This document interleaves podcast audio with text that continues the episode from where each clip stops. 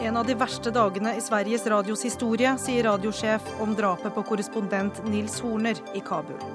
Høyres Nikolai Astrup kommer med miljøkrav til egen regjering under budsjettforhandlingene. Det viser hvor lite fokus de blå har på miljø, mener De Grønne.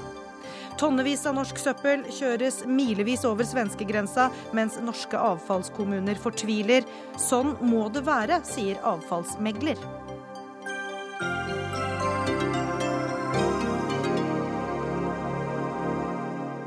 God ettermiddag og vel møtt til en utgave av Dagsnytt 18 som eh, også har plass til debatten rundt NRKs nye Melodi Grand Prix. Jeg heter Gry Blekastad Almås. Og aller først. Afghanistan i dag er et forandret samfunn med større medvetenhet, sier hun. Afghanistan 2014 is not ready for bringing back Taliban regime. Nils Horner, Kabul. Ja, dette var Nils Horners uh, siste reportasje, sendt til Sveriges Radio i går. Siste reportasje fra Afghanistan og siste fra noe sted, for i morges ble den svenske korrespondenten drept på åpen gate i Kabul i Afghanistan. Han ble skutt da han sto på gata og intervjuet folk. Anders eh, Sømme Hammer, du er frilansjournalist som har bodd og arbeidet i eh, Kabul og i Afghanistan i uh, sju år. Hvordan er din reaksjon i dag? Jeg syns det er veldig skremmende. Det er ekstremt kaldblodig, det som skjedde. Som ble skutt i fullt dagslys i det området som blir omtalt som ambassadestrøket i Kabul. Det er det best bevoktede området i byen. Samtidig så har det skjedd angrep der tidligere. Det er ikke så lenge siden en restaurant ble stormet der og 21 mennesker ble drept, deriblant 13 utlendinger. Så det har vært veldig dramatiske episoder der tidligere også, men denne type attentater rettet mot journalister har ikke jeg sett, eller det har ikke skjedd i den perioden jeg har jobbet der. Vi har med oss Silla Benkø, som er direktør i Sveriges Radio. og Hvordan har dere det i dag? Överjävligt eh, på ren svenska. Eh, Sveriges Radio är ett företag i extremt stor sorg. Eh, många av oss har förlorat en nära vän. Eh, alla av oss har förlorat en kollega som har avlidit i tjänsten. Eh, det som inte får hända har hänt och, och Nils Horner är död. Og midt i dette tapet så prøver man å finne ut hva som har skjedd. Hva vet dere? Vi vet eh, inte så hemskt mye. Vi vet at eh, vi har jo veldig eh, rigorösa säkerhetsföreskrifter. vi gjør en veldig ordentlig prövning innan vi låter en till och med en så rutinerad korrespondent som Nils att åka in i et farlig område. Han har vært i Kabul tre, fyra ganger per år ungefär. Han kan stan, han vet hur han skal røre sig. Han åkte in. Eh, han har följt de sikkerhetsforskrifter vi har. I det ingår bl.a. å ta kontakt med hemmaredaktionen, vilket han også gjorde i morse.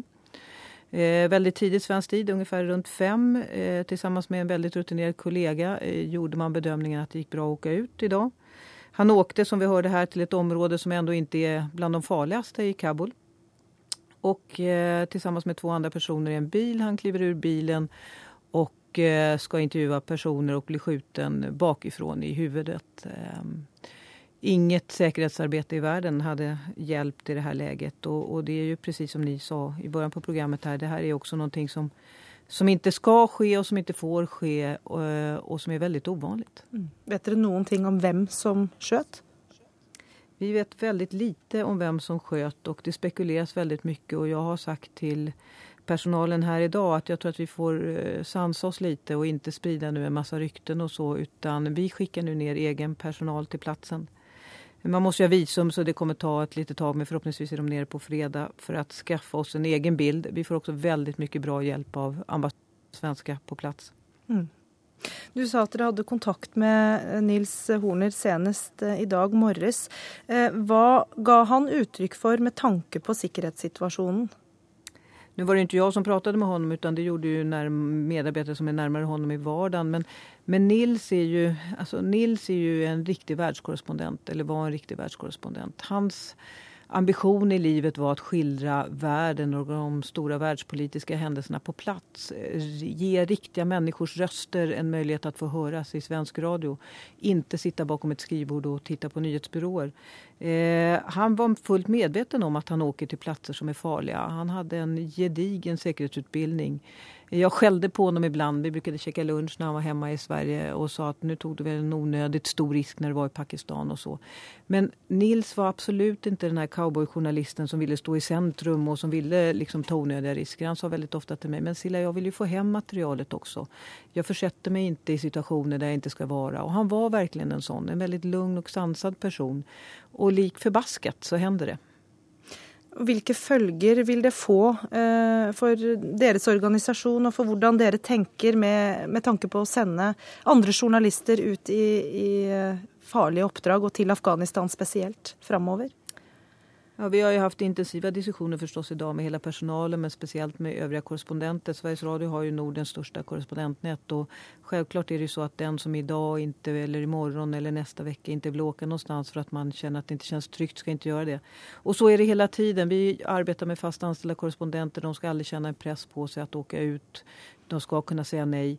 Eh, idag är vi ett företag i enorm sorg. Eh, det är svårt att veta om vi borde ha gjort något annorlunda. Jag tror inte det. Men, men självklart så kommer vi när allting har lagt sig och lugnat ner sig sätta oss ner och utvärdera även detta. Var det någonting vi missade? Var det någonting vi borde ha tänkt på på ett annat sätt? Men återigen, vi har ett väldigt bra säkerhetsarbete runt våra korrespondenter. Blir man på öppen gata i dagsljus när man intervjuar människor skjuten i bakhuvudet, det är svårt att gardera sig mot. Och det vi ikke kommer gjøre er vi kommer ikke lämna ambitionen att spegla verden med svenska ögon og att fortsätta att vara på plats. Det tror jeg er ekstremt viktig for demokratin, for yttrandefriheten. Anders Tømme du reiser til Afghanistan i morgen. Eh, dette stopper ikke deg? Nei, det er jo en tur som jeg har planlagt lenge. Jeg skal reise rundt i landet nå de neste fire ukene eh, i forbindelse med det kommende presidentvalget 5.4. Hvordan vurderer du sikkerhetssituasjonen i landet? Det har blitt jevnt verre eh, siden jeg flytta dit i 2007. Eh, de siste årene så er sikkerhetssituasjonen ganske ekstrem i deler av landet. Jeg vil ikke si at den er det i Kabul. Eh, Kabul har alltid oppleves som et av de tryggere områdene i Afghanistan. Eh, men det er, det er, en veldig alvorlig situasjon eh, der man på ingen måte ser at det går eh, mot fred. Altså det blir verre og verre i, i større og større deler av Afghanistan. Og nå når vestlige trekker seg ut, Nato-styrkene trekker seg ut av landet, kan man si noe om hva som er i vente? Ja, det kan man. Da kan man f.eks. se på Faryab-provinsen i Nordvest-Afghanistan, der norske soldater var utplassert fram til september 2012. Eh, da de trakk seg ut, så så man at det ble enda mer uro i provinsen. Det hadde eh, også vært veldig urolig der eh, de foregående årene, men da så man en økning altså i 40-50 i voldsnivået. Og det forklarer man med at krigsherrene har sittet og venta på altså uttrekksdatoen. Idet de utenlandske soldatene trekker seg ut, så blir det en kamp om landområder. Eh, der krigsherrer og andre kriminelle kjemper mot hverandre. Eh, veldig brutalt, uten hensyn til sivile. Eh, men det er rett og slett en kamp om land. Altså. Men som du var inne på tidligere, så har ikke journalister vært et mål i seg selv. Mm. I hvert fall ikke før nå? Nei, Den største faren for journalister i Afghanistan har vært kidnapping. Eh, der har man ikke sett at eh, det har vært noen eksempler på at journalisten har blitt drept eh, raskt, men ofte så har det vært lange perioder med forhandlinger. Men det har vært få attentater mot journalister. Afghanske journalister blir i mye større grad trakassert og plaga enn det vi utenlandske journalistene blir. De har mye større problemer med f.eks. afghansk etterretning, og får også andre typer trusler fra opprørerne. Men eh, vi har ikke sett noen attentater på den måten her, altså målrettede angrep på journalister de siste årene. I dag har jo statsminister Reinfeldt eh, uttrykt sin medfølelse Silla Benke, til alle dere som jobber i eh, Sveriges Radio. Um, og han har også sagt at det er viktig, viktig journalistisk oppgave å være til stede, også der hvor det er farlig. Hva tenker du om det i dag? Ja, men så er det. Eh, Sveriges Radio ser det som en extremt viktig oppgift å fortsette å satsa på en oberoende utrikesjournalistik, den som public service står for. Att ha medarbetare på plass som vil og vågar rapportera verden, som världen ser ut til det svenske folket. Men det er klart at vi utsetter ikke våre medarbetare for unødige risker. Sen er det ikke riskfritt å være korrespondent. Ibland sier vi nei som chefer til korrespondenter som vil resa inn i farlige områden. Men ibland sier vi ja og det her var en en bedömning som gjordes. Nils har varit i Kabul tre, fyra gånger per år. Han kunde staden. Det är, eh, ingick i hans bevakningsområde. Han ville åka. Vi bedömde att det var möjligt. Vi eh, gjør som Reinfeldt og uttrykker vår medfølelse til dere i dag. Tusen takk, Silla Benkø, for at eh, du var med. Takk også til Anders Sømme Hammer. Dagsnytt 18 alle hverdager kl 18.00 på NRK P2 og NRK2.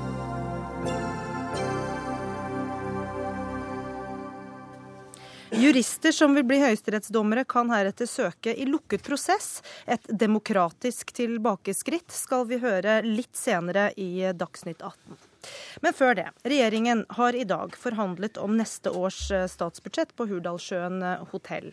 Regjeringen har fått kritikk for ikke å nevne miljø i verken nyttårstalen eller i talen før budsjettforhandlingene startet uh, i går.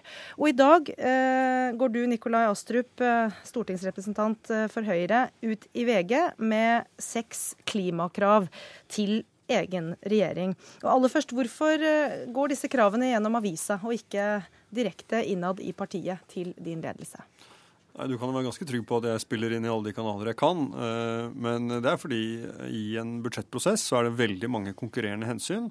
Jeg mener at klima og miljø må få en høy prioritet. Det vet jeg at veldig mange i regjeringen også mener.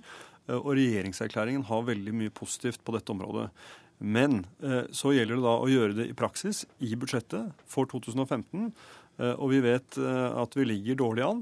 Eh, fredag kom det en rapport fra Miljødirektoratet som sier at eh, vi ikke kommer til å nå klimamålene vi har satt oss i 2020, hvis ikke vi får til et taktskifte.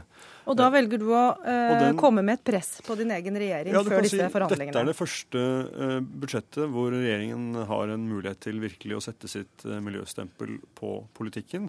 Den rapporten som kom på fredag, er jo i første rekke en dom over de rød-grønnes miljøpolitikk.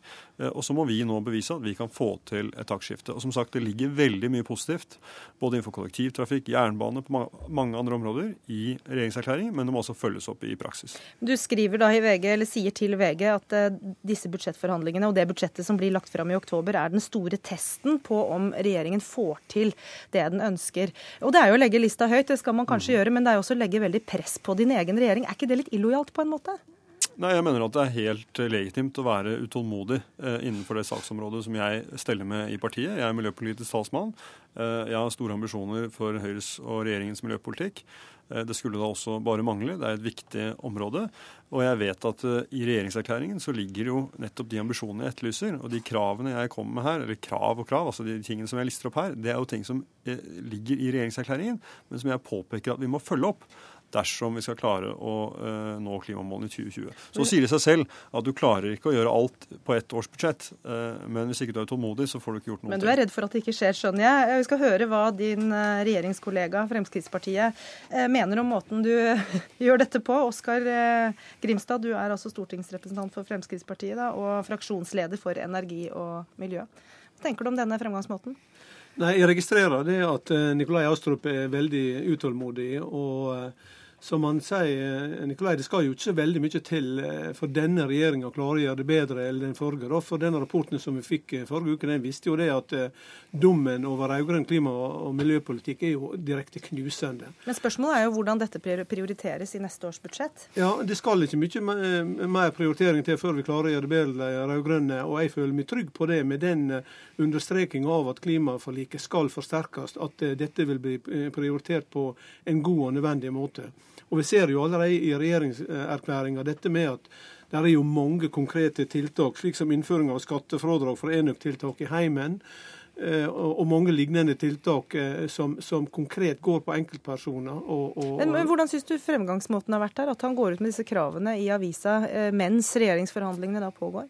Jeg vil jo tro at det, det er et Ja, det synliggjør en utålmodighet som kanskje blir blanda mottagelse på. Men, men jeg tror for, for klima og miljø sin del så er det viktig at vi har noen utålmodige sjeler. Det viser jo de åtte årene med rød-grønn regjering at det ikke hjelper engang å ha et SV der. Så utålmodighet, det, det må man ha. Nei, Nå er ikke de rød-grønne på plass her, men den grønne sitter her. Rasmus Hansson, stortingsrepresentant for Miljøpartiet De Grønne. Jeg vet ikke hvor tålmodig du er på disse tingene. Hva, hva, tenker du om at eh, Høyre går ut mot seg selv på denne måten? Miljøpartiet De Grønne er i hvert fall utålmodig. Det kan alle være helt trygge på. Eh, at eh, en flink miljøpolitiker som Nikolai Astrup går ut og krever mer miljøpolitikk, det er bare strålende. Problemet er jo at den regjeringen han forsøker å snakke til, Eh, har benyttet absolutt hver eneste tenkelige mulighet siden de kom i regjering, til å demonstrere at eh, miljøpolitikk er overhodet ikke noen prioritert. Det startet jo med eh, at de istedenfor å ansette sin egeneste flinke miljøpolitiker som miljøvernminister, besatte miljøvernministerposten med den mest uerfarne politikeren i hele regjeringen. Eh, siden kom de ni, eller de ni uh, hovedpunktene til regjeringen, som ikke inneholdt miljø. Og så kom det uh, nyttårstale. Bare si at vi har vært i kontakt med miljøminister Tine ja, ja. Sundtoft. Jo, men når du kaller henne den minst erfarne, så må vi også legge til at hun har en god del erfaring som kan komme nytte med også i den sammenheng. Som, Bare sånn at som, det er, hun ja, er ikke her og kan ikke svare for det. Dette er en uttalelse som står for min regning, og den har jeg dekning for. Poenget er i hvert fall at både det og alt som har skjedd fra denne regjeringens siden, side siden, er en demonstrasjon av at regjeringen Solberg overhodet ikke prioriterer miljøet. Og det er altså ikke kommet ett eneste miljøinitiativ eller klimainitiativ fra den regjeringen på et halvt år. Og så demonstreres da situasjonen ganske tydelig av at uh, den eneste reelle miljøpolitikeren som uh, denne regjeringen har, altså må snakke til regjeringen sin gjennom avisa. Det ønsker vi velkommen men det er en, en, skremmende illustrasjon på situasjonen. Er det litt sånn bitterhet over at du ikke selv ble miljøvernminister etter Nikolai Astrup? Nei, overhodet ikke, men jeg er jo fortsatt miljøpolitisk talsmann, og derfor så snakker jeg om miljøpolitikk. Det er jeg opptatt av, og det vet jeg at regjeringen også er. Og jeg syns jo Rasmus Hansson er ganske urimelig i sin kritikk av regjeringen. På torsdag så arrangerer regjeringen en stor klimakonferanse der nær halvparten av regjeringens statsråder deltar. Men du er jo ikke trygg på at de gjennomfører miljøpolitikken sin selv, i og med at du går ut på denne måten? Hvor de nettopp skal ha en dialog med bl.a. næringslivet og organisasjonslivet om hvordan klimaforliket skal forsterkes i årene fremover. Så det er ikke bare det at de er opptatt av å gjennomføre det vi sier vi skal gjøre i regjeringserklæringen, som er ambisiøst og mye mer ambisiøst enn det den forrige regjeringen kom med, men de skal også forsterke det og gå videre, og ber nå om samråd med eh, sivilsamfunnet for å få det til. Det mener jeg er veldig positivt og viser at man er opptatt av å levere på dette området. Men hvis du er så trygg på at man er opptatt av å levere, hvorfor da disse kravene til egen regjering? Nei, Dette er en påminnelse uh, i en situasjon der alle sektorer uh, skal uh, ha sitt. Og alle som har vært i nærheten av en budsjettkonferanse, vet at, vet at her er det en alles kamp mot alle. og det er viktig at miljø og klima vinner frem. Jeg føler meg trygg på at både statsråder fra mitt eget parti og Fremskrittspartiet er opptatt av å levere på dette. Men en liten vennlig påminnelse fra Stortinget, det tror jeg de lever veldig godt med. Ja, og så er jo Det sånn at det er jo, det er jo Stortinget, det er en mindretallsregjering, så det er på mange måter i Stortinget det, det, viktigste skjer. Man skal gjerne ha statsråder som er utålmodige, statsråder som legger grunnlaget for et godt arbeid videre. Men vi ser det når, når, når, når Miljøpartiet De Grønne eh, nå prøver å lage en sånn intern strid i Høyre om hvem som hadde vært den beste miljøvernministeren, så sporer man fullstendig av. Eh, etter min oppfatning så bør man gå på saker, man bør gå på saker og, og konkret, eh, konkretisere saker, ikke på person. fordi at eh, dette handler om et kollegium som i fellesskap skal finne de gode løsningene, ikke å sette Eh, politikere og statsråder og stortingsrepresentanter opp mot hverandre. Det blir vi, ganske smakløst. Da får vi gå på sak, Rasmus Hansson. Ja, og Da kan vi også starte med den rapporten som eh, Nikolai Astrup viste til fra eh, Miljødirektoratet, som, som da også slår fast at Norge må kutte 8 millioner tonn CO2-utslipp i løpet av de neste seks årene for å klare det klimaforliket som den nåværende regjeringen sier at de skal forsterke. Det betyr å kutte 1,2 millioner tonn eller mer per år. Det er et konkret tall. Vi savner fortsatt eh, et eneste konkret tiltak fra regjeringen som vil vise hvordan vi skal kutte 1,2 millioner tonn i år, til neste år osv. Og, så og en forpliktelse til faktisk å ha kutta de 8 millionene tonn i eh, 2020. Det er den typen konkret politikk som vi ikke har sett fnugg av hittil, og det er det som gir grunnlag for å også tolke de politiske signalene på en litt skeptisk måte. Vi vil spørre da eh, miljøpolitisk talsmann i Høyre om det. Ja, De at- konkrete Ja, jeg mener at Det ligger hvordan- veldig mye der, bl.a. en langt sterkere satsing på kollektivtrafikk. Noe som er helt nødvendig dersom vi skal klare å ta trafikkveksten og gjerne mer til med kollektivtransport fremfor personbiler. Eh, Det ligger en sterk, sterkere satsing på, på miljøvennlige eh, kjøretøy, enten det er drivstoff eller det er biler eller lastebiler eller andre ting. Eh, Og det ligger, det ligger en større satsing på miljøteknologi, forskning og utvikling, noe som er helt nødvendig dersom vi skal komme i mål. Altså Alle kan gjøre enkelttiltak hjemme hos seg selv, men det som virkelig kommer til å bety noe, det er jo de teknologiske fremskrittene som må gjøres i årene som kommer. Men nå har du vært innom disse Så- kravene som du kommer med i dag, og hvor sikker er du på at de får prioritet i budsjettet? Nei, jeg, eh, Ettersom dette også ligger i regjeringserklæringen, så føler jeg meg veldig trygg på at regjeringen skal levere på det. Mitt poeng er simpelthen at vi må levere på det før snarere enn senere, hvis vi skal klare å, eh, å gjøre det som skal til. Denne gangen, denne gangen må regjeringen kutte et konkret antall millioner tonn. Mm. Og vi hører bare om generelle tiltak. Vi får ikke høre hvor mye forskningen, hvor mye kollektivsatsingen, hvor mye er- og er skal kutte. Og det tallet er jo noe som dere har vært en del av å ikke levere på i Men også de foregående mine herrer, vi er nødt til å vente til oktober med å se hva som får plass i hvert fall i neste års eh, budsjett. Men Tusen takk for at dere kom, Oskar Grimstad, Rasmus Hansson og Nikolai Astrup.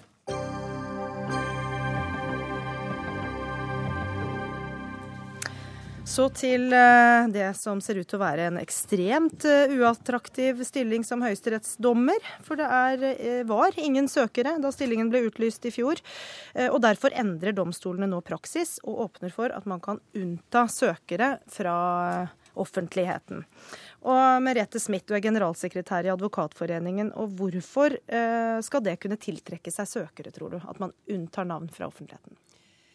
For først vil jeg si at Det er jo veldig viktig at det er flinke søkere til stillingene som dommer i Høyesterett. Det er en kjempeviktig stilling, og, og man må ha flinke jurister, og man må ha god søkne, søkning til Høyesterett. Men det var ikke bare mangel på flinke jurister, det var mangel på søkere overhodet i forrige runde. Ja, nettopp. Og det er eh, enda mer skremmende at det ikke er noen som søker.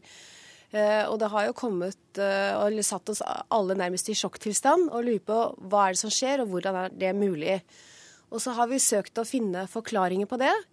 Eh, jeg tror de fleste er enige om at dette er et sammensatt bilde.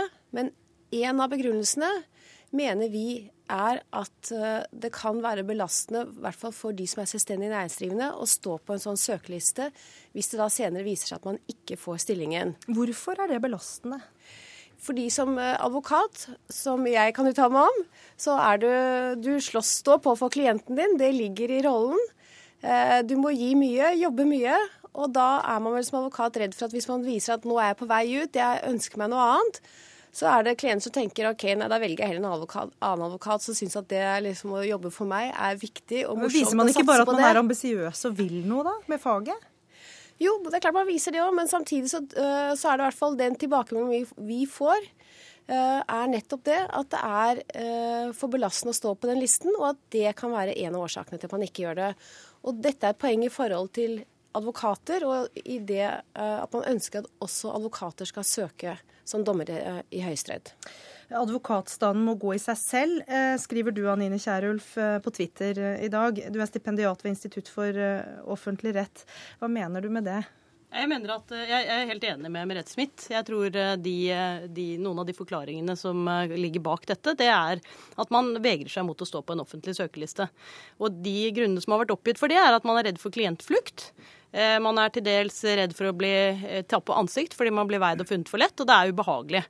Den form for ubehag den har alle som må stå på offentlige søkelister. Det er en god grunn til at vi har offentlige søkelister, noe jeg vil anta at Arne Jensen kommer tilbake til etterpå.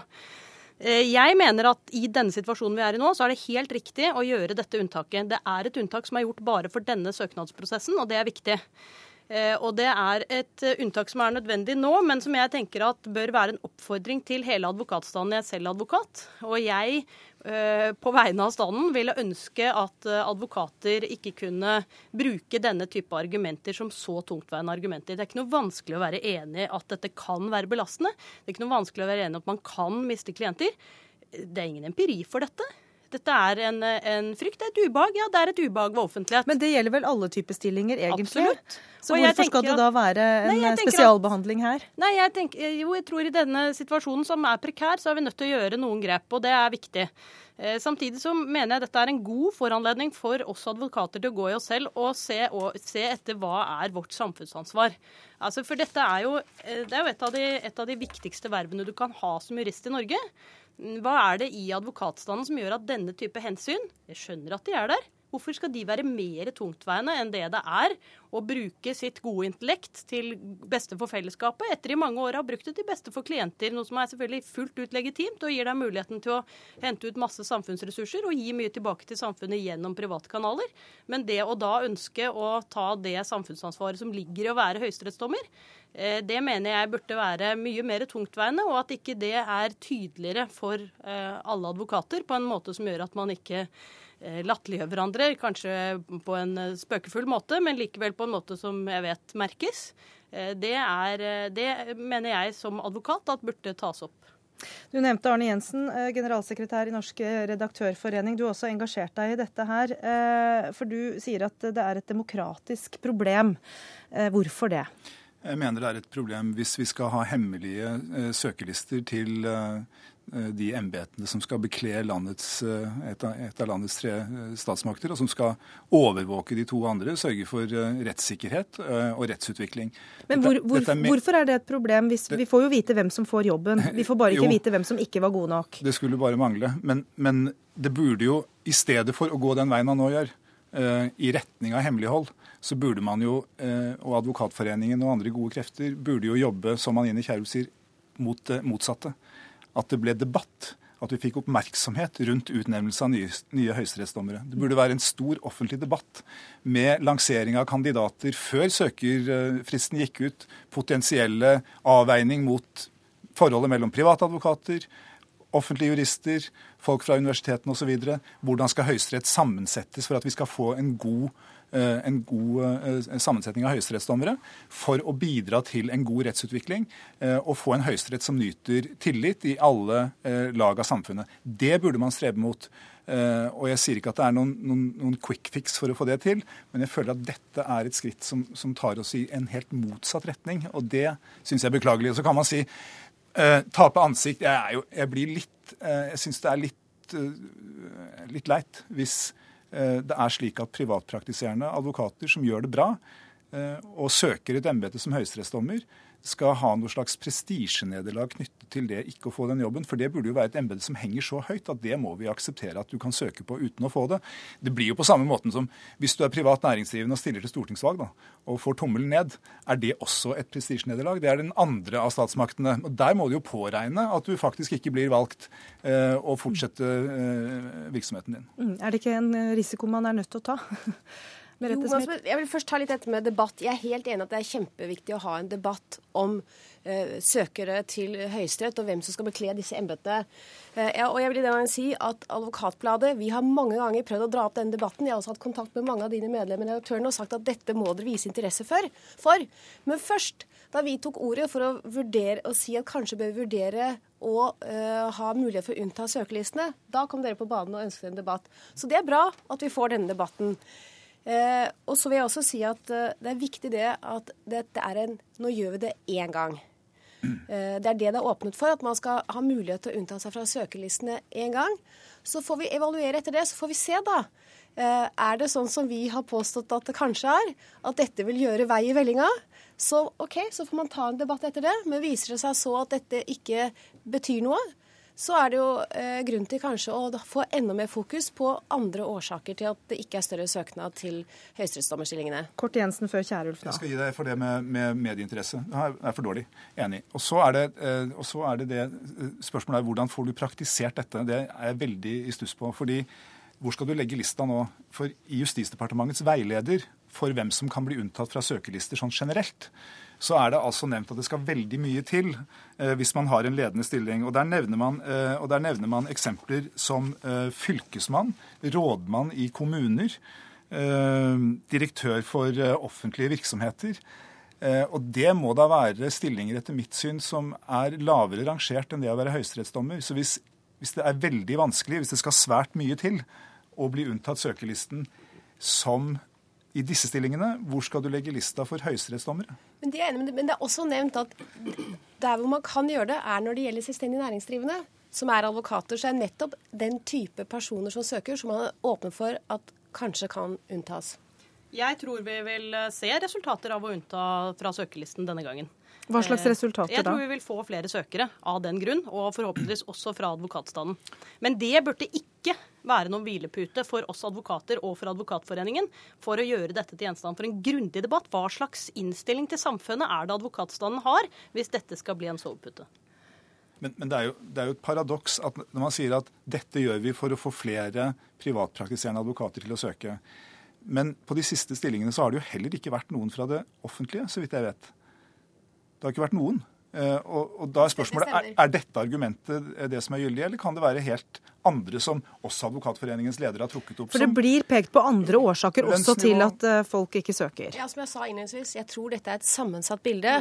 Uh, og jeg tror at det med søkeliste er én ting. Det er klart at også man må, man må, vurdere om det er andre ting man kan gjøre for å få flere søkere. Hvilke andre årsaker kan man tenke seg til at uh, folk ikke vil bli dommere i ja, Det handler noe om kanskje altså Det som har vært løftet opp, har vært pensjonen, som ble endret til det dårligere.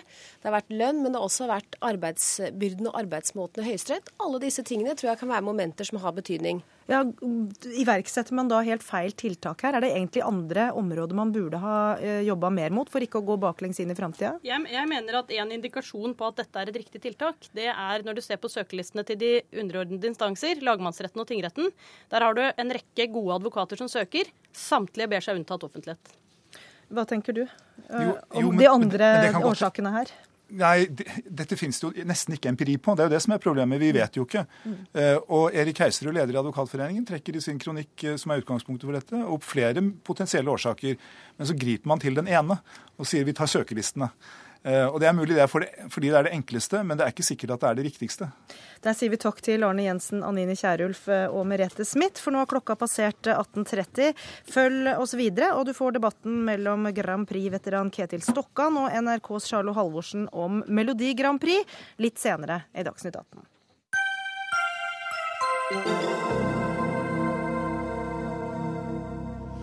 I dag er det nøyaktig tre år siden tsunamien i Japan. Vi husker TV-bildene av de enorme ødeleggelsene som også førte til den alvorlige atomulykken ved kjernekraftverket i Fukushima. Nils Bøhmer, eh, atomfysiker og Bellona-mann. Eh, du har vært i denne regionen eh, der atomulykken skjedde. Hvordan vil du beskrive situasjonen for folk der? Jeg var der for et år siden, ganske nøyaktig, og snakket med en del av de menneskene som har blitt evakuert som følge av den radioaktive forurensningen. Og det var et ganske sånn deprimerende besøk. Fordi de hadde, i hvert fall de eldre av de, hadde jo mistet alt håpet om at de noen gang skulle komme tilbake til sine eh, gårder, sine barndomshjem. Eh, de var også splittet fra familien. I Japan på landsbygda så bor man sammen med familien, hele storfamilien. Nå var den storfamilien splittet opp. De unge var dratt inn til Tokyo. Hun ble værende igjen på en veldig midlertidig trailercamp eh, i Fukushima-området. Så de har mistet, mistet, mye håp, mye livsgnist. Vi ser de, eh, de bøndene som har flyttet tilbake, de har store problemer med å selge avlingene sine fordi at det er så radioaktivt forurenset at de har ikke lov til å selge det på markedet. Hvordan er egentlig boforholdene og, og livet da, i disse, uh, disse leirene, uh, hvor de fleste bor fortsatt? Det er ganske dårlig. Det er jo moderne, men det er lite. Det er kaldt, uh, og det er midlertidig. Men nå er det 160 000 av disse menneskene som er evakuert, som ikke kan flytte tilbake riktig ennå. Og man sier at så mange som over 50 000 av disse aldri kan flytte tilbake til sine hjem. Foreløpig så bor de veldig midlertidige boliger, hvis de da ikke har klart å komme seg inn hos familie eller, eller andre venner som bor andre steder i Japan. Eh, så jeg føler ikke helt at japanske myndigheter har tatt inn over seg hvor, stor, hvor, langvarig dette kommer til å bli. At, ikke, at, det blir en endelig løsning for veldig mange. Mm. Men eh, de bor veldig midlertidig enda. Mm. Hvordan vurderer du atomfaren der nå? Strålingsfaren? Ja, det er jo fremdeles områder som er sterkt radioaktive innenfor denne 20 km-sonen rundt kraftverket. Eh, I tillegg så har man store mengder flytende avfall i over 1200 tanker inne på anlegget. Man har også flere av disse tre reaktorene med nedsmeltet brukt atombrensel, som man ikke har en god løsning på ennå, og som må fortsatt kjøles ned for å unngå overoppheting. Så det er fremdeles mye radioaktivitet i naturen der. Og det er også store muligheter for at dette kommer til å lekke ut da, enten til eh, sjøen, eller at man kan få nye utslipp til luft og, og ytterligere forurensning av landjorden. Og så er det jo, som du var inne på, mange eh, som har vært bønder og fiskere eh, i dette området, og som da er avhengig av jorda og, og fisken i havet. Eh, de har problemer med å selge varene sine på markedene. Er det, eh, er det en reell fare for at produktene er farlige? En del av jordbruksproduktene og en del av fiskesortene har forhøyde radioaktiviteter. Men eh, fiskerne selv sier at det å prøve å selge fisk som kommer fra Fukushima-området, det er veldig vanskelig, selv om den er helt ren for radioaktivitet. Mm. Og Det skyldes både da frykten, men også fordi eh, befolkningen i Japan har veldig liten tillit til eh, det japanske myndigheter sier om faren knyttet til forurensningene. Så det er en stor grad av mistillit, og den slår bl.a. ut på en mer sånn eh, reaksjon at man da ikke, det er vanskelig å få solgt de varene som kommer fra Fukushima, selv om de i utgangspunktet ikke er radioaktive. Har man ikke også hevet grensen for hva som er akseptabelt? Jo, man har også hevet grensen for både for fødevarer, altså jordbruksvarer og fisk, og også hevet grensen for eh, de evakuerte hva som er trygt. Og Det er klart, det bidrar også til at man mister tillit til myndighetene, når man vet at myndighetene tidligere har holdt tilbake mye informasjon om konsekvensene av ulykken. Det høres høres eh, ganske håpløst ut. Hva tenker du om situasjonen nå, tre år etterpå? Ja, altså Vi er bare på, egentlig bare på begynnelsen av denne ulykken. Eh, man sier selv eh, at man kommer til å bruke 30-40 år før man har fått håndtert og kommet tilbake til en normalsituasjon ved kraftverket. Eh, de forurensede områdene, de verst rammede, vil være ubeboelig mange, mange, kanskje 100 år framover. Så det er klart, det er en voldsom hvis du ser på tidsperspektivet, så er det nok mye større enn det man trodde rett etter ulykken. Hvilke følger får det for eh, atomkraft generelt, da?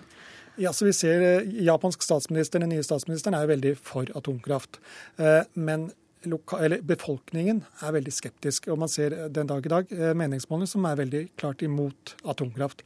Og Spesielt ser vi en veldig sterk lokal motstand rundt disse kraftverkene. Så jeg tror det blir veldig vanskelig for japanske myndigheter å få opp eh, så mange atomkraftverk som man sier fra sentralt hold. Takk skal du ha, Nils Bøhmer, som også er atomfysiker. Hør Dagsnytt 18 når du vil. Radio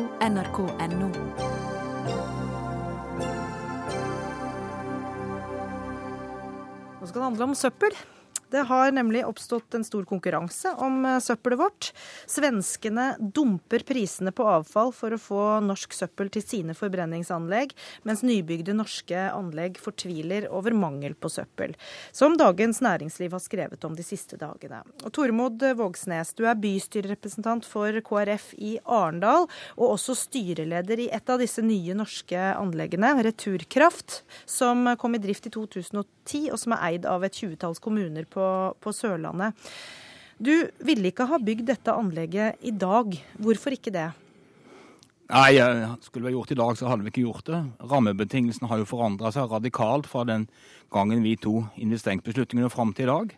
Det er to forskjellige verdener vi snakker om. Og, men nå er anlegget bygd, og nå må vi gjøre det beste ut av det. Det er jo derfor vi har tatt initiativ til å spille inn til myndighetene for å se på hvilke rammevilkår vi kan ha i framtiden. Ja, for hva er situasjonen hos dere?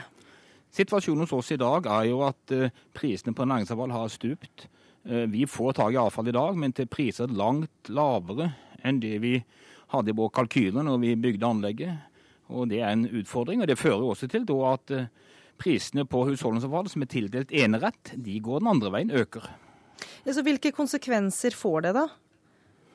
Nei, Det får jo konsekvensen at abonnentene da får en høyere Eh, regning på sitt eh, renovasjonsgebyr. Det er realiteten.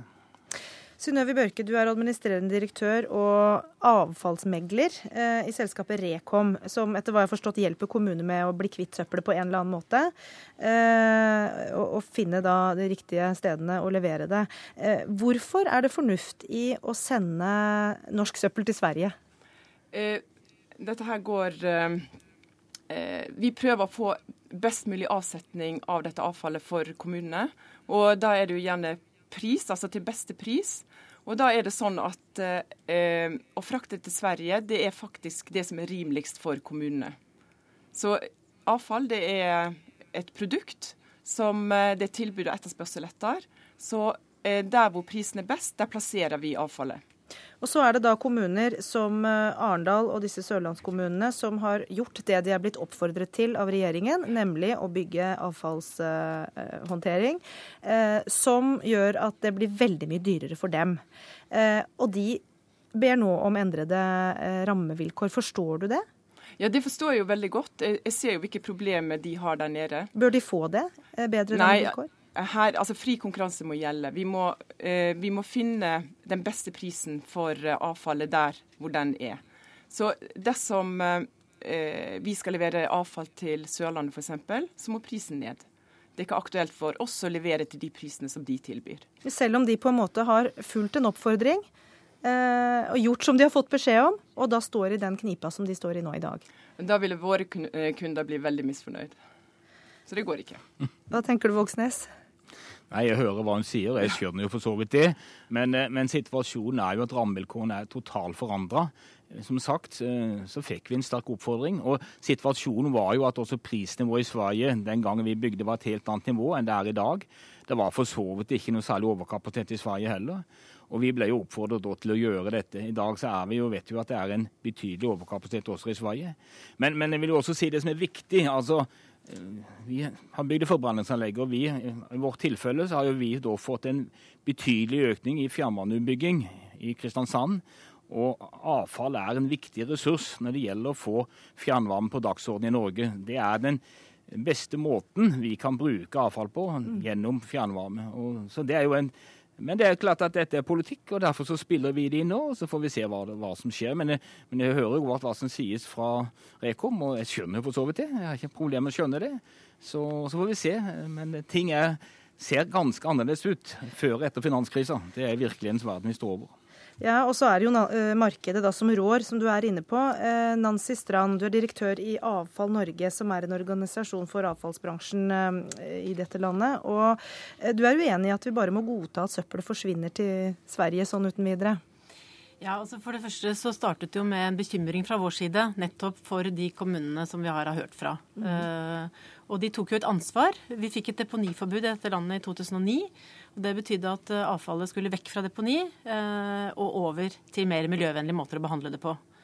Eh, den rapporten vi har lagt fram nå, viser jo at det er en klima- og miljøgevinst ved å utnytte energien av avfallet i Norge. Fordi den brukes, som nettopp som han er inne på, til å produsere miljøvennlig fjernvarme. Det er en klimagevinst, men hvis det er økonomisk dyrt, så er det vel ofte penga som vinner, da?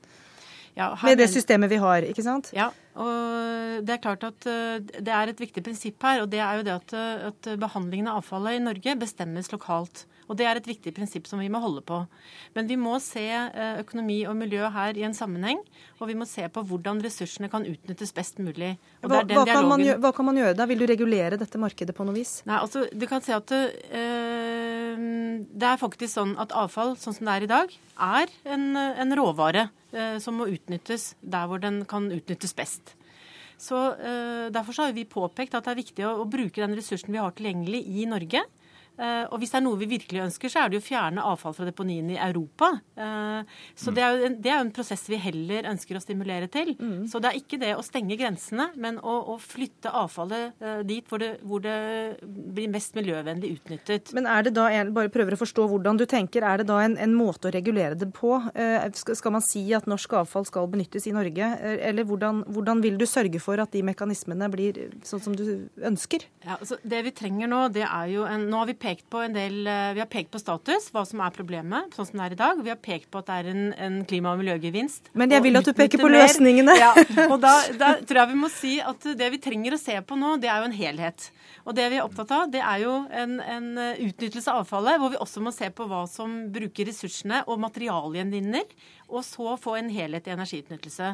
Uh, og dette her er en, en, debatt som vi må ta fremover, og i politisk dialog også med uh, politikerne på Stortinget. Bare ett spørsmål til før vi, før vi, går videre her. Mener du at vi skal produsere mer søppel i Norge? Nei, det mener Nei. jeg absolutt ikke. Bare så vil liksom ikke.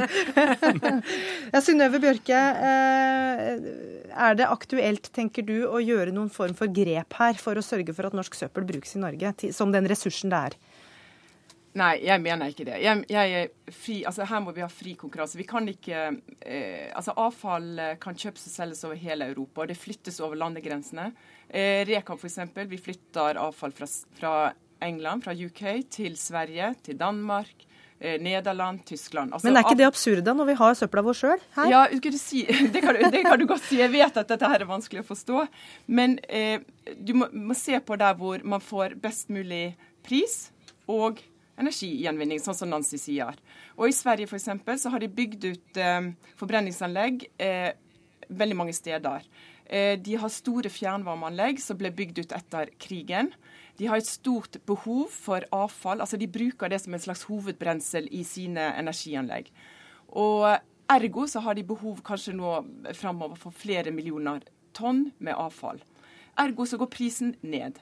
Og Det er jo det vi er styrt etter, og det er det våre kunder ønsker seg. Og også selvfølgelig våre eiere, som også er kommunene.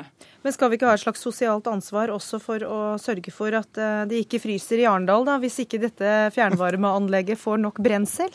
Vi kan vel si sånn at uh, den energien som skapes av avfall, konkurrerer med andre, andre, typer energi.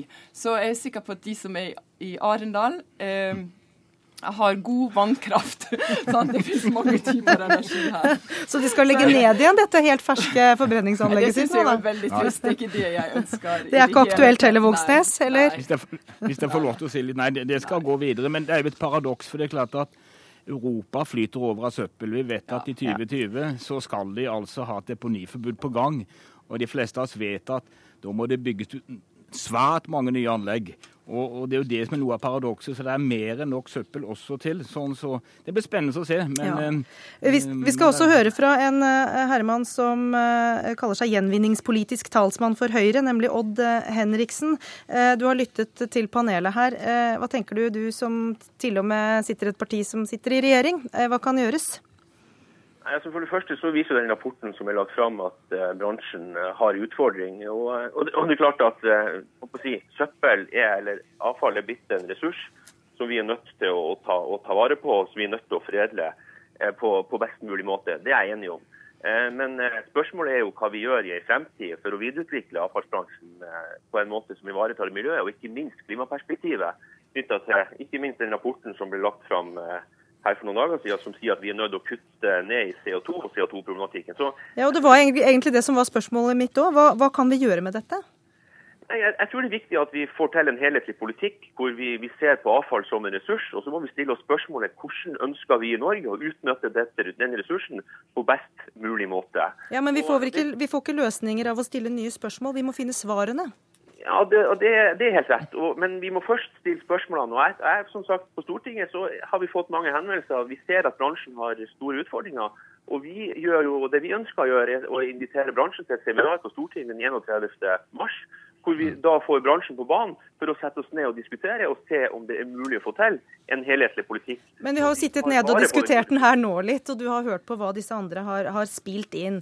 Eh, hva ja. tenker du f.eks. om å, å, regulere dette markedet, som gjør at også eh, sørlandskommunene kan sikre seg mer av denne ressursen som søppel er blitt?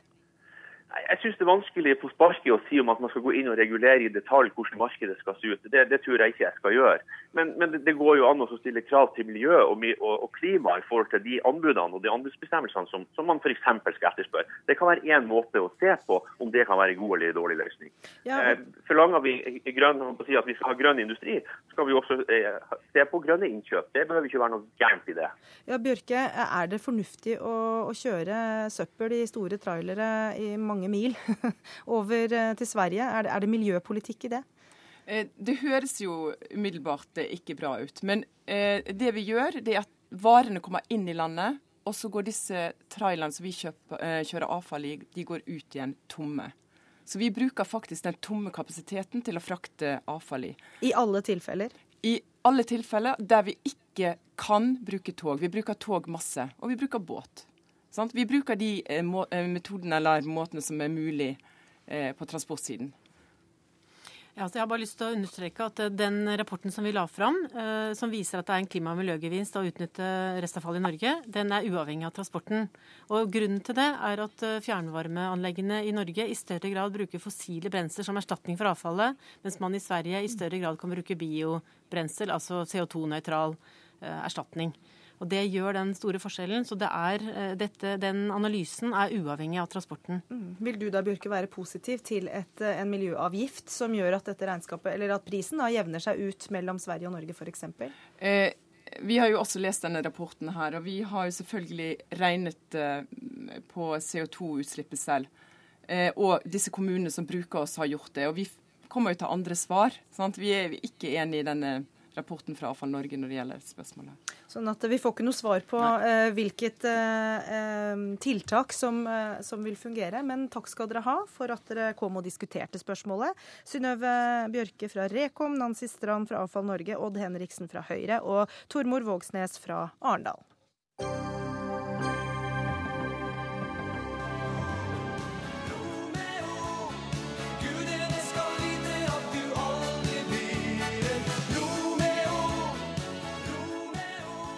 Ja, dette er Norges Melodi Grand Prix-bidrag i 1986.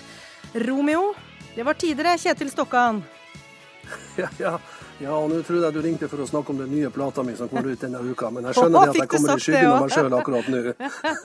Jeg kommer nok i skyggen av meg sjøl denne uka, ja. ja dette var... For å Grand Prix 19... For å snakke om Melodi Grand Prix, ja. ja, du var med i 86 og vant da, og vant også eh, en gang senere. Eh, I dagens VG så går du ut og sier at NRK nå har ødelagt denne melodikonkurransen. Hva mener du med det? Ja, jeg er vel ikke alene. Eh, jeg syns vel at, dagens utvikling av delfinaler er både kjedelig og trist og fargeløs. Og det minner meg om noe som nordmenn opplever på en lokal revyscene i Indre Gomfjordflåga eller Ytre Kleppmyrsvåg. Det er helt klart at det er et steg tilbake til en modell som eksisterte da Melodi Grand Prix ble eh, så stemoderlig behandla av NRK. Delvis fordi at det musikalske uttrykket vårt hadde lav status, og, og delvis fordi at avviklingen måtte styres med et så lavt budsjett. Men til tross for at det ikke lenger sitter 90 mann i orkestergrava med, med, med, lønnskrav og logistikk, så klarer NRK å gjøre årets Melodi Grand Prix til et langt gjesp. Og, og det har egentlig ikke noe med deltakerne å gjøre, men, men ramma rundt det. Ja, Hvis det ikke har med deltakerne å gjøre, hva er det som er problemet da? Det er jo det at, at det, det, det, virker Eh, til og med sønnene mine som sitter og ser på det, sier at det, her, det ser jo ut som om det er noen som har arrangert en, en, festforestilling på Samfunnshuset her oppe. Det er ikke den samme grandiose Den underholdningsverdien som, som det har av å, å sitte i en, en, svær sal med de delfinalene der der det er 5000 mennesker i salen. og der det er 500 kvadratmeter scene og lys og koreografi og det hele. Det, her, det, det ser litt sånn russerevyaktig Men det, det, som også er viktig, og som jeg har lyst til å si, det er at, at, at NRK på denne måten de har tatt bort altså, det lokale engasjementet, som, det, som rekru, det, som genererer rekruttering til, til musikk- og, og kulturskolene i, i distriktene. Og, og, og den Oslo-modellen har også fjerna den entusiasmen som, som, som lokalavisene og nærradiostasjonene hadde. Det har ødelagt litt for handelsnæringa i, i, byene som arrangerer disse delfinalene, og, og, og dempa litt på denne lo, lokalpatriotismen som gjør at, at mange av deltakerne blir engasjert og, og til, til spillejobber og konserter i nærområdene. Sånn at, at det, der er det er mange ting som går feil med den måten som man har tenkt eh, Melodi Grand Prix på i år. Her var det mye å ta tak i, Charlo Halvorsen. Du er underholdningsredaktør og altså i NRK, altså ansvarlig for disse sendingene. Eh, er det russerevy som har vært malen i år? Eh, nei, så langt derifra, naturligvis. Og, og, jeg vil nesten oppfordre både Kjetil Stokkan her eh, og eh, alle andre å ta en liten titt på nrk.nos eh, MGP-sider, for der har vi nå lagt ut et eh, lite innslag som vi egentlig hadde tenkt å sende på lørdag. Det kommer vi sikkert til å gjøre også, men det er en liten eh, gjennomgang som vi laget før dette medierabalderet startet, om all kritikken av eh, MGP opp gjennom historien. Og der er det mye eh, illsinte tilbakemeldinger i sort-hvitt og helt fram til i dag. Og så har det vel egentlig stilnet eh, litt de siste årene, og så blåser det litt opp eh, igjen denne gang. Ja, og da må vi jo bare si at det, NRK har gjort en helt annen uh, Grand Prix-sending i år enn det man har gjort de foregående fem år, hvor man har hatt delfinaler rundt omkring i landet. Uh, forrige helg, den, den, helgen vi nettopp har lagt bak oss, så var alle semifinalene gjort på fredag, lørdag, søndag, og så kommer finalen til uka. Så det er en helt annen modell. Det er en annen modell. Og vi var vel, det er vel mer enn, vi var vel syv år, tror jeg, rundt på, på uh, turné med delfinalene. Og det uh, har vi nok følt at det var et, et konsept som nok uh, trengte å få en liten hvil, i hvert fall. Hvorfor det? Det er med et så stort og ikke minst gammelt evenement som Grand Prix. Det er jo det eldste store evenementet og en del av norske folkesjelen, hvis man skal være litt svulstig. Det er helt avhengig at vi eh, fornyer oss og blir relevante for en ny, eh, ny tid. Og det som vi har gjort i år her, her blir det helt feil. Ja, ja. Ja, Stokkan, kom igjen. Helt full, altså. Når vi snakker om folkesjela, så er det at, at Melodi Grand Prix på et tidspunkt nå var en del av folkesjela og var eid av folket. Det var jo akkurat det som skjedde når, når Melodi Grand Prix eh, la delfinalene sine fra Karasjok ned til Kristiansand. Altså, da, da, genererte det en masse aktivitet i distriktene. Du aner ikke for, for, hvor viktig det er for, for uh, det lokale næringslivet og for det lokale for underskogen i, i, i, i de lokale der, der Melodi Grand Prix gikk av stabelen eh, i, i, i de delfinalene. Det var kjempeviktig. Og det har vi nå mista. Og, og, det genererte jo masse arbeidsplasser og mye aktiviteter. Tenk deg at på fire på delfinaler så hadde du ca. 20 000 publikummere. Men, eh, og du hadde inntekter fra sponsorer i tillegg til logistikk i forbindelse med de lokale eh, finalene som kom lokalsamfunnet til gode. Mm, nå slipper vi til Halvorsen med svaret ja, her. Ja. Ja, Nei, det, det, er jo eh, veldig fint og hyggelig eh, at du har så høye tanker om den eh, turneen vi hadde i, i syv år. Det er nok ikke helt eh, likt det som næringslivet rundt om eh, har erfart, men det, det får nå så være. Det var, sikker, det var, mange positive ting knytta til eh, det å dra rundt i landet. Og det er godt mulig vi skal gjøre det igjen siden, men jeg tror MGPs rolle i norsk folkesjel nok eh, er litt uavhengig av akkurat det. Vi laget tross alt eh, MGP i en 45 år før vi dro ut på, på turné. Men når man nå har nedskalert, for det er det det er snakk om, man har nedskalert det, eh, har det økonomisk, et økonomisk motiv? Vil man spare penger Nei, på årets Grand Prix? Nei, det er ikke så veldig nedskalert. Det er, det, det, det er nedeskalert er i forhold til den, den, kostnaden som ligger i å reise rundt. Det var ingen økonomiske begrunnelser for å gjøre det. Absolutt ikke. Det, det var en ren redaksjonell ting. Men hvorfor valgt... ønsket man da å gjøre det på den måten man har gjort det i år? Hva er gevinsten, mener NRK, med den måten å gjøre det på som vi gjør i år? Eh, fornyelse og ønske om å være relevant. Det vi har gjort, er å gå ut til de aller aller beste låtskriverne i Norge. Virkelig profesjonelle på et høyt internasjonalt nivå. Nei, men La, la han få komme med argumentene, Stokkan, så skal du få komme inn etterpå. Ja. Og så eh, har vi gått ut til eh, mange unge, eh, både nye og etablerte artister, som eh, er godt kjent, i, i, hvert fall i segmentet under 40 år. Kanskje ikke så godt for generasjonen over, men det er folk eh, som Linja Dale, som kanskje har hatt de to største hitene i Norge på de siste ti årene. Eh, folk med platesuksess bak seg og toppanmeldelser i, i avisene. Så det er etablerte artister sammen med nye unge stjerner, og kanskje vi til og med greier å lage noen ordentlig gode stjerneskudd eh, på lørdag. Så det å lage en musikkonkurranse hvor vi går til de beste låtskriverne og går etter unge, store eh, sangtalenter, det kan ikke være et dårlig eh, momentum i forhold til å lage en sangkonkurranse. Stokkan, er ikke det også litt poenget her? Å finne talenter og, og vise som, dem fram? Det, det, ja, jeg syns det er kjempeflott at de får vise seg fram. Og det er kjempeviktig at det, at det gror i underskogen. Men når, når, når Charlo Halvorsen og, og, og, Vivi Stenberg, som er general for MGP, sier at dette er fornying, så, så syns jeg de skal se litt Skru klokka tilbake til 70- og 80-tallet. Og, og, det her ligner veldig på, på hvordan det en gang var. Det her er ikke noe fornying. Det her er et steg tilbake. Vi har lagt ut eh, mange gamle finaler på, på nrk.no, så det er veldig morsomt å ta en titt. Jeg tror at uh, dine teorier blir gjort litt til skamme hvis du tar en titt på en 20 år gammel finale. Har du sett på dem, Stokkan? ja, jeg ser jo hvert eneste år. Jeg følger jo med. Jeg har statistikk over det aller meste. og Jeg ser jo at i at Melodi Grand Prix i perioden fra 1993 frem til 2010 er sett av 1,4 millioner nordmenn. Jeg ser også at svenskene har en nedgang på ca. 800 000 seere, men de har fortsatt 3,5 millioner mennesker som følger med. Eh, Eurovisjonsfinalen. Sånn at, eh, du er ikke bare litt snurt for at du ikke får, får vært med sjøl, da? Jeg har sendt inn masse låter, og jeg har vært med tre ganger. Jeg er storfornøyd. Og eh, dine bidrag og andres bidrag kan vi da, etter hva jeg forstår på Charlo Halvorsen her, se på nrk.no framover. Tusen takk til eh, Ketil Stokkan og til Charlo eh, Halvorsen. Vi kan jo nevne da at finalen går på lørdag på NRK1. for de som vil få den med seg. Veldig bra. Ansvarlig for denne sendingen var Dag Dørum. Teknisk ansvarlig Karl Johan Rimstad. Og i studio takker Gry Blekastad Almås for seg.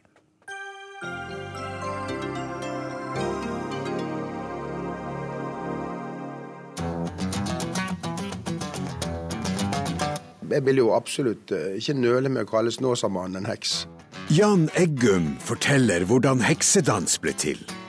De som har andre evner enn en de fleste av oss andre, og som kan markere det så sterkt at du skjønner at de har kontakt med en virkelighet som vi ikke alltid ser. der. Og det, det var en av grunnene til å skrive den sangen. Den nye norske sangboka starter lørdag 15. mars klokka 15 i NRK P2.